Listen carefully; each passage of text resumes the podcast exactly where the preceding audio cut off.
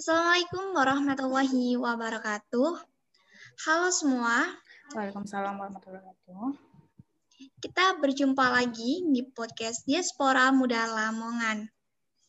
Nah, untuk beberapa waktu ke depan, saya Auliani Swatul Fariha akan menemani kalian melalui ruang Real Talk with Dias dan Lala.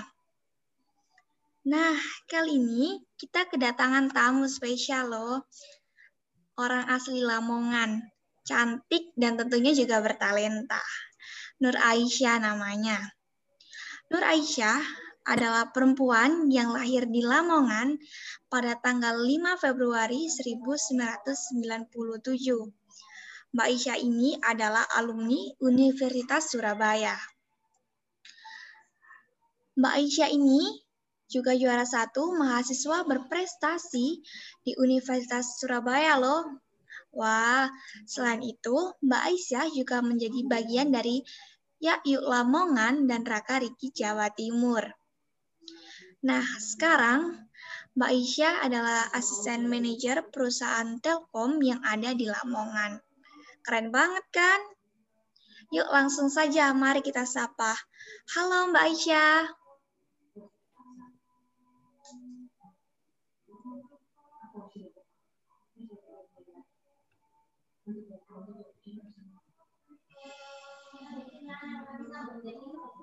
Waduh, seneng banget buat ngobrol-ngobrol sama kalian.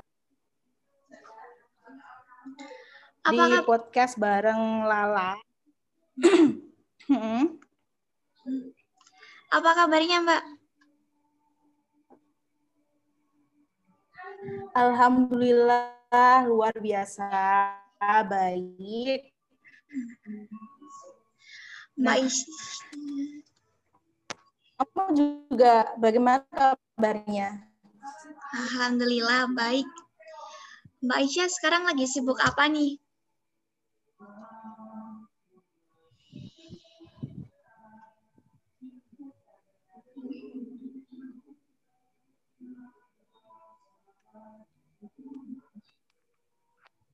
Kesibukan saat ini lagi ini sih pengen konsentrasi buat karena di Lamongan ini aku juga lagi karena kan memang uh, kita lihat pasar di Lamongan untuk sosial media marketing memiliki peluang yang bagus untuk ke depannya. Jadi untuk kesibukan saat ini aku konsentrasikan di situ untuk mengembangkan bisnisku di sosial media marketing.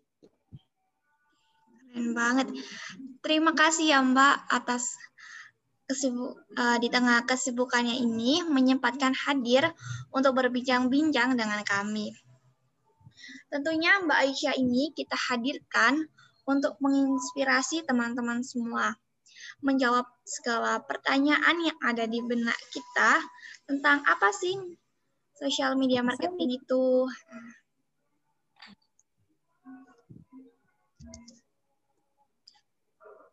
Karena kan kita tahu sendiri bahwa penggunaan sosial media sekian semakin hari semakin meningkat, baik itu untuk pendidikan, untuk bisnis, dan lain sebagainya. Makanya uh, kita hadirkan sosok yang berkecimpung secara langsung dalam dunia sosial media marketing ini. Mbak Isya sendiri sejak kuliah sudah berada dalam dunia desain dan dia juga menjadi Head of Kominfo Paguyupan Yayu Lamongan Division. Terus keren banget pokoknya. Nah, mumpung ada Mbak Aisyah nih, langsung aja kita kepoin ya Mbak. Siap. Ayo. Uh, Mbak, kan karena penggunaan sosial media yang semakin hari semakin berkembang, salah satunya pada dunia marketing, sehingga timbul istilah social media marketing. Sebenarnya apa sih Mbak social media marketing itu? Kalau kita berbicara mengenai social media marketing, ilmu marketing sendiri itu aslinya udah ada dari dulu ya, udah dari dulu banget. Cuma untuk di era saat ini ini di era sekarang itu semua serba digital ya, semua serba digitalisasi. Kalau bisa dikatakan uh, dunia dalam genggaman lah istilahnya kayak gitu untuk saat ini. Nah, sosial media marketing untuk saat ini aku berbicara mengenai sosial media marketing di era saat ini ya.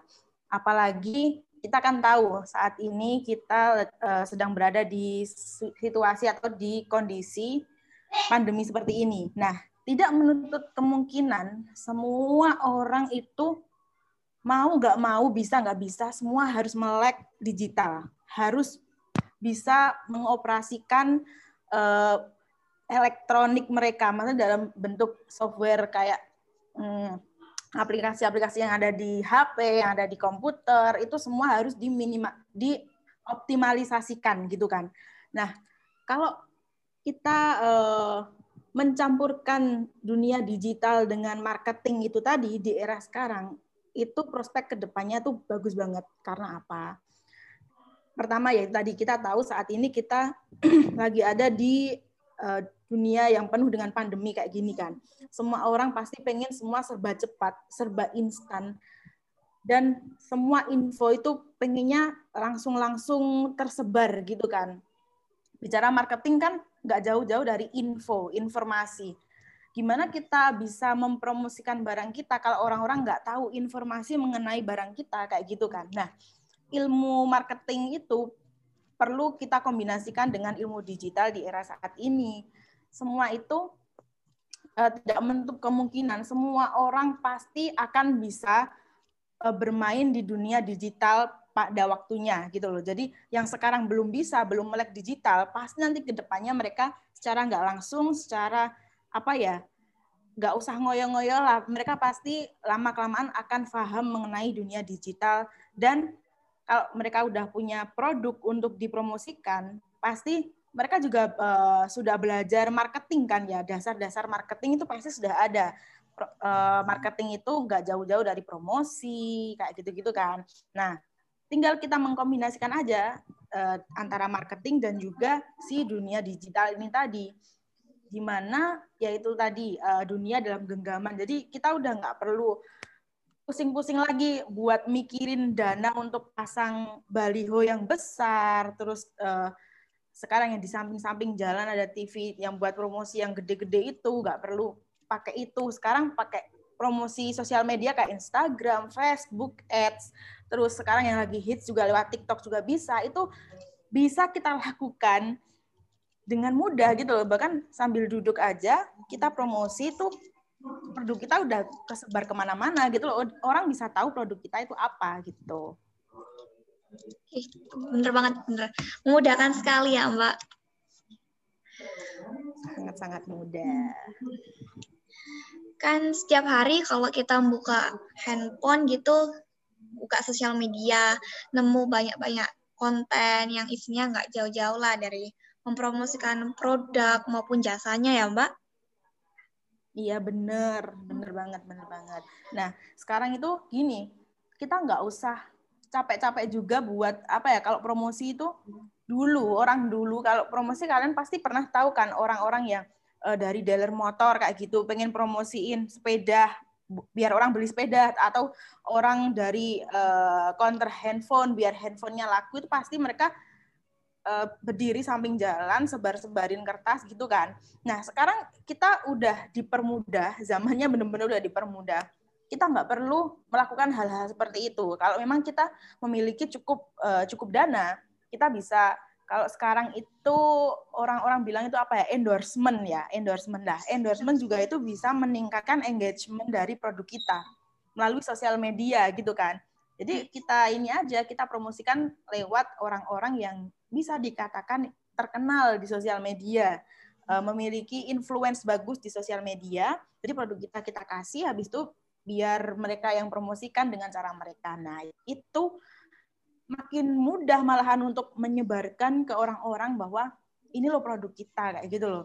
Kalau selain itu kalau pengen uh, lebih kasarnya kalau endorsement ini terlalu mahal, kita bisa pakai ads. Ads itu hitungannya bisa harian juga dan juga bisa dihitung dari jangkauan kita.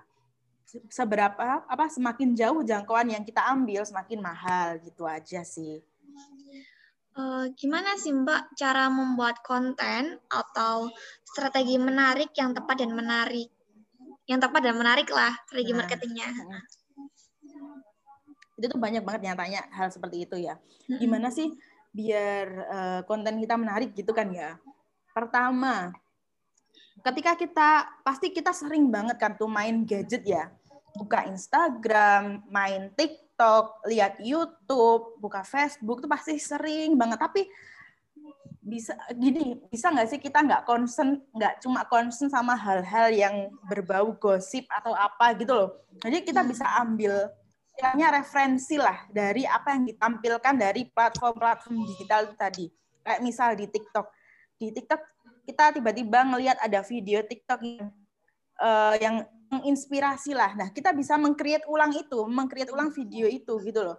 Nggak ada salahnya karena kita mengcreate ulang bukan bukan berarti kita menjiplak ya. Beda menjiplak dan juga uh, terinspirasi gitu ya orang-orang kan banyak yang bilang pasti itu menjiplak gitu kan tapi enggak beda menjiplak itu ya bener-bener mirip gitu loh tapi kalau lain halnya sama ketika kita terinspirasi gitu loh jadi kita uh, banyak-banyak melihat referensi jangan cuma pengennya aja pengennya kayak aku pengen produkku ini bagus tapi kita nggak punya referensi terus gimana dong eksekusinya pasti bingung kan gitu oh kita aja nggak pernah lihat uh, bayangan ke depan produk kita tuh bakal seperti apa ya gitu. Aku hmm. pengennya produkku disampaikan seperti apa ya, dikenal orang seperti apa ya gitu kan nggak ada bayangan, cuma pengen aja. Tapi kalau ketika kita punya inspirasi itu pasti langsung, oh kayaknya produk ini, produkku ini bakal bagus kalau dipromosikan seperti ini gitu kan. Dan juga eh, menarik itu bukan juga dalam artian ini ya konten kita bagus tuh enggak, tapi kita juga harus tahu uh, market market dari produk kita ini tadi tujuannya itu untuk siapa sih gitu loh. Jangan sampai salah sasaran. Percuma percuma gini, percuma kontenmu tuh bagus, tapi kamu tuh salah sasaran atau salah bidik. Konsumenmu ini siapa? Kamu bikin produk misalkan kamu bikin produk produkmu ini produk otomotif gitu kan, oli dan sebagainya. Tapi kamu marketmu sasaranmu salah. Kamu marketnya ke anak-anak yang suka menulis gitu kan. Kan beda pasarnya gitu loh. Jadi kamu juga harus research jangan cuma uh, concern di ini aja di apa namanya di konten aja. Tapi sebelum konten sebisa mungkin kamu research. Kamu research produk kamu ini apa marketnya ke mana targetnya bakal seperti apa. Jadi biar uh, semua ini ber, apa berkesinambungan gitu loh. Jadi nggak sia-sia kamu bikin konten, konten mudah bagus, ternyata kamu apa salah di marketnya, di target marketnya kayak gitu. Jadi satu banyak-banyak referensi, dua bikin konten tuh nggak harus mahal, nggak harus banyak duit. Jadi apa pun bisa dibuat konten asal itu tadi semuanya itu nyambung. Jadi nggak sia-sia kamu bikin konten gitu loh. Ketiga, jangan males-males buat promosiin produk produk kamu udah gitu aja itu udah tiga kunci dasar biar produk kamu ini eh ada satu lagi ada empat satu lagi satu lagi adalah jangan lupa satu kontenmu udah bagus kan ya kontenmu udah bagus targetmu udah cocok. Tiga tiga uh, sudah sudah berkesinambungan. Empat jangan sampai kualitas produkmu ini menggagalkan semuanya gitu loh. Karena satu kualitas adalah yang hal utama. Hal utama adalah kualitas produk. Jadi semua udah bagus tapi produkmu ketika nyampe di konsumen ternyata konsumen kok gini ya? gitu. Ekspektasi mereka tuh bubar langsung gitu loh. Ketika melihat promosi kamu udah bagus, ternyata produknya Aja atau produknya kok gini ya nggak sesuai ekspektasi sponsornya aja kayak gini tapi produknya kok ternyata nggak enak ya misal kalau produk makanan kayak gitu jadi empat hal tadi jangan lupa buat diterapkan gitu. Bener banget ya Mbak, keren. Um, kemudian Mbak, sejauh ini apa aja sih Mbak kelebihan serta kekurangan dari adanya sosial media marketing itu sendiri? Kita bicara mengenai kelebihan dan kekurangan ya. Kalau kelebihan pasti ya tak terhingga kalau kelebihan ya. Kelebihan tuh banyak sekali. Kalau kekurangannya, satu kekurangannya semakin kita dipermudah dengan adanya dunia digitalisasi, marketing yang masuk di dunia digitalisasi untuk saat ini ya. Semakin banyak orang yang apa ya, males Malas dalam artian gini, dia pengennya instan. Banyak orang menginginkan hal-hal instan gitu. Dan mereka malas untuk memulai semua itu. Dia angan-angannya tuh gini, ah, aku mau bikin produk ah, tapi aku mau bikin produk terus produkku ini pasti besok tuh bakal laku banget gitu loh, bakal laku banget karena nggak ada pesaingnya.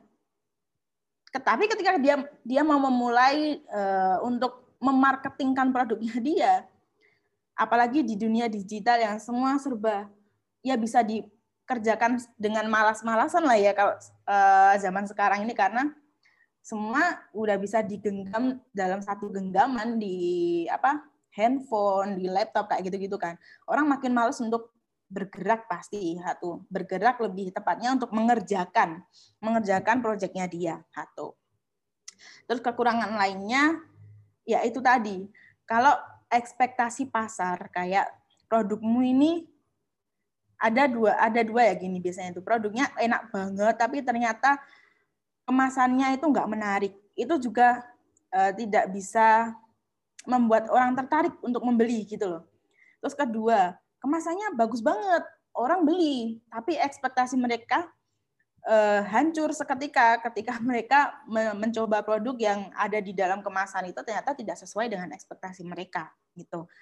Jadi ya bisa dikatakan apa ya dunia tipu-tipu lah kalau kayak gitu ya dunia tipu-tipu karena tidak sesuai dengan ekspektasi yang ada di luarannya kita di kayak dibodohi oleh iklan gitu loh oleh marketingnya mereka. Tapi ya bagaimana lagi memang seperti itu keadaannya gitu loh. Tapi ya tetap kalau memang kita pengen reputasi kita, reputasi kita eh, produk kita itu bagus di mata masyarakat di konsumen ya tadi.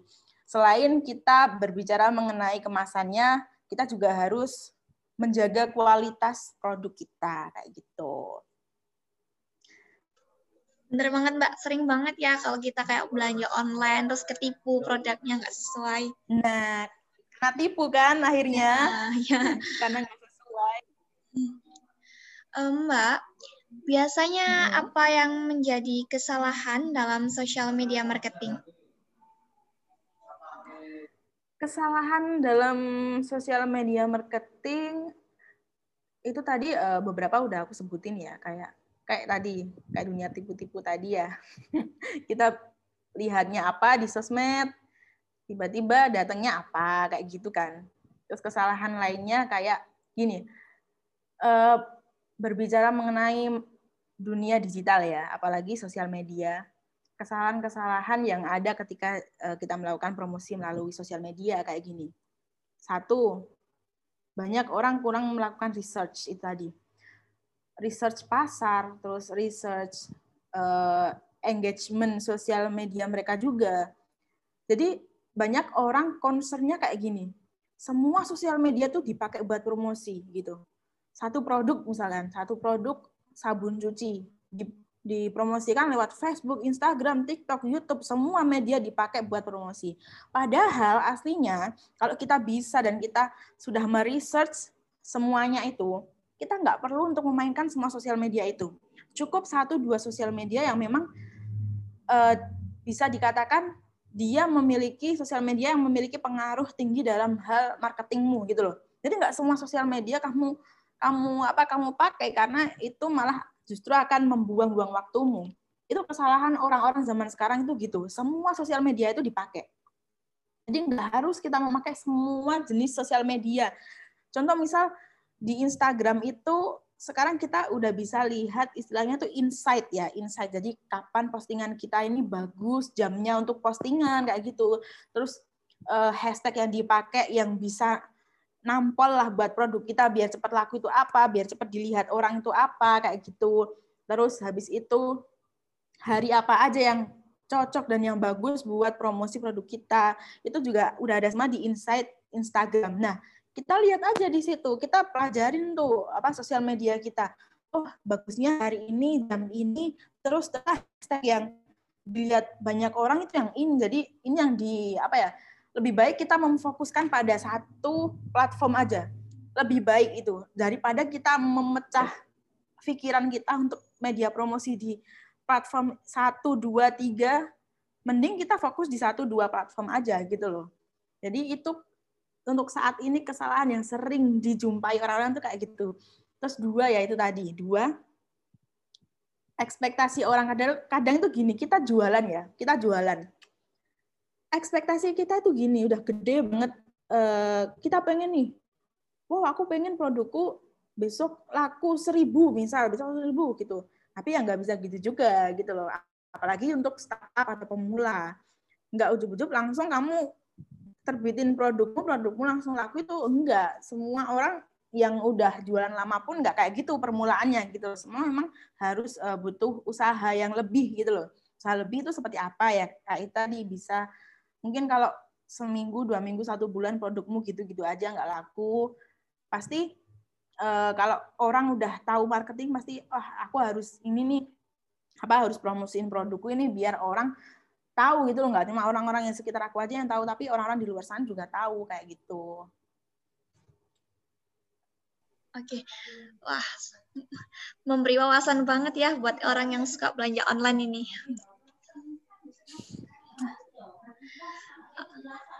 Kan uh, sosial media sendiri kan uh, sekarang merambah pada dunia bisnis. Apa aja sih Mbak manfaat dari social media marketing bagi brand atau bisnis itu?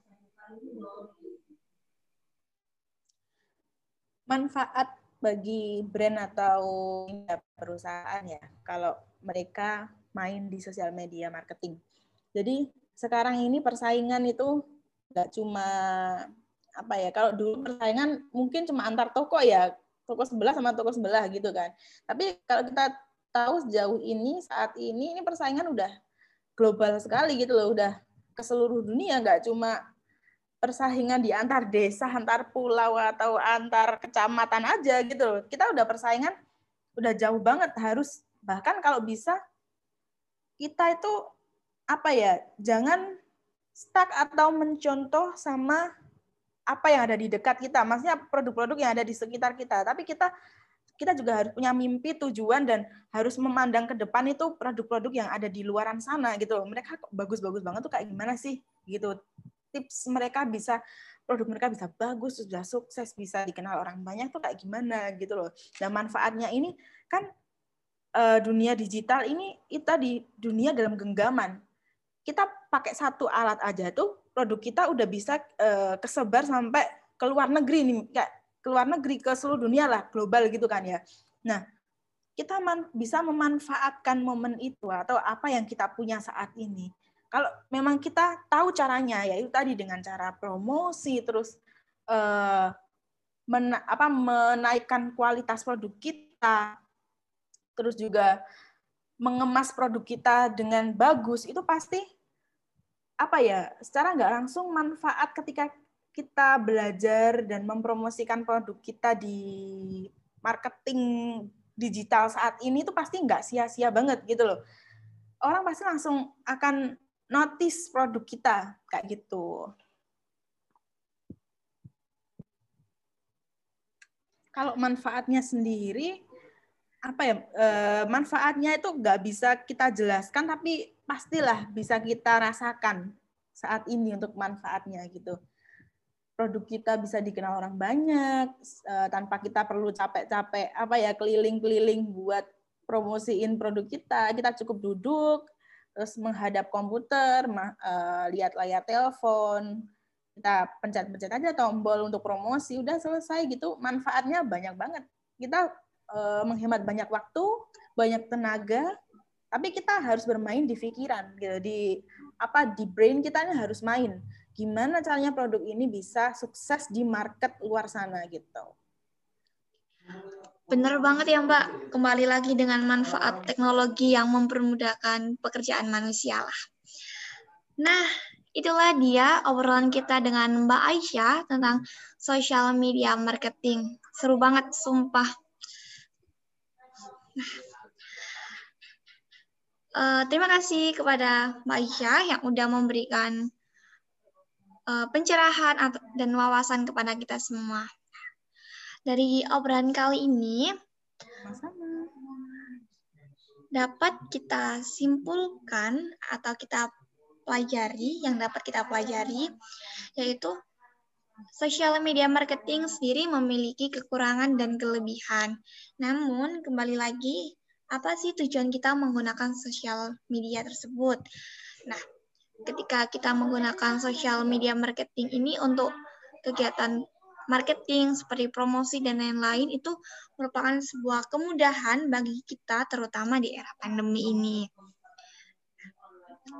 Untuk membuat sosial media marketing, kita harus memiliki referensi atau ide-ide yang dapat kita lihat dari konten-konten yang sudah ada. Kemudian ketika kita sudah membuat konten yang bagus, yang harus diingat adalah konten tersebut harus mencerminkan dengan baik produk kita. Jangan sampai ada yang namanya ketidaksesuaian antara konten dengan produk yang ada. Kemudian yang terakhir adalah jangan malas ketika sudah jadi kontennya, kita harus terus semangat untuk mempromosikannya. Oh ya teman-teman semua, jangan lupa follow akun media sosial kami di Instagram, diasporamuda.lamongan untuk mengetahui kegiatan-kegiatan yang insya Allah menarik dan tentunya juga bermanfaat. Saya rasa cukup sekian berbincang-bincang kita dengan Mbak Aisyah di Real Talk with Lala dan Dias. Nah, apabila ada salah-salah kata, baik itu eh, perkataan yang menyinggung ataupun perbuatan, kami mohon maaf. Saya Auliani Suatul Fariha dan Mbak Aisyah sebagai guest undur diri dulu. Wassalamualaikum warahmatullahi wabarakatuh. Sampai jumpa.